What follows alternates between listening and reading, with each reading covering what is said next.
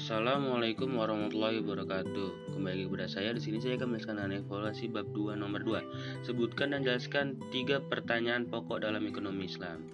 Yang pertama itu adalah komoditas apa yang dibutuhkan untuk mewujudkan maslahat.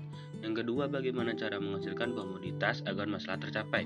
Yang ketiga, nilai utama dalam distribusi komoditi yang sesuai Islam. Yang pertama, komoditas apa yang dibutuhkan untuk mewujudkan maslahat.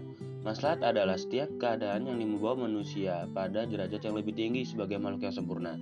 Ekonomi Islam akan memilih pemanfaatan sumber daya untuk berbagai komoditas yang benar-benar dibutuhkan untuk mencapai pala. Yang kedua, bagaimana cara menghasilkan komoditas agar maslahat tercapai? Produksi yang mengandung maslahat yaitu produksi yang menggunakan input halal, diproses secara halal, dan menghasilkan output halal.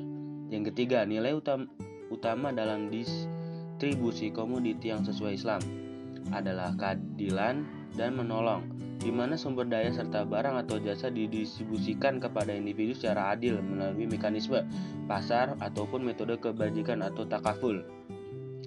Misalnya tidak menimbung barang dan tidak sesuai ketimbangan sehingga setiap individu dapat merasakan kemaslahatan dari komoditas yang diproduksi. Wassalamualaikum warahmatullahi wabarakatuh.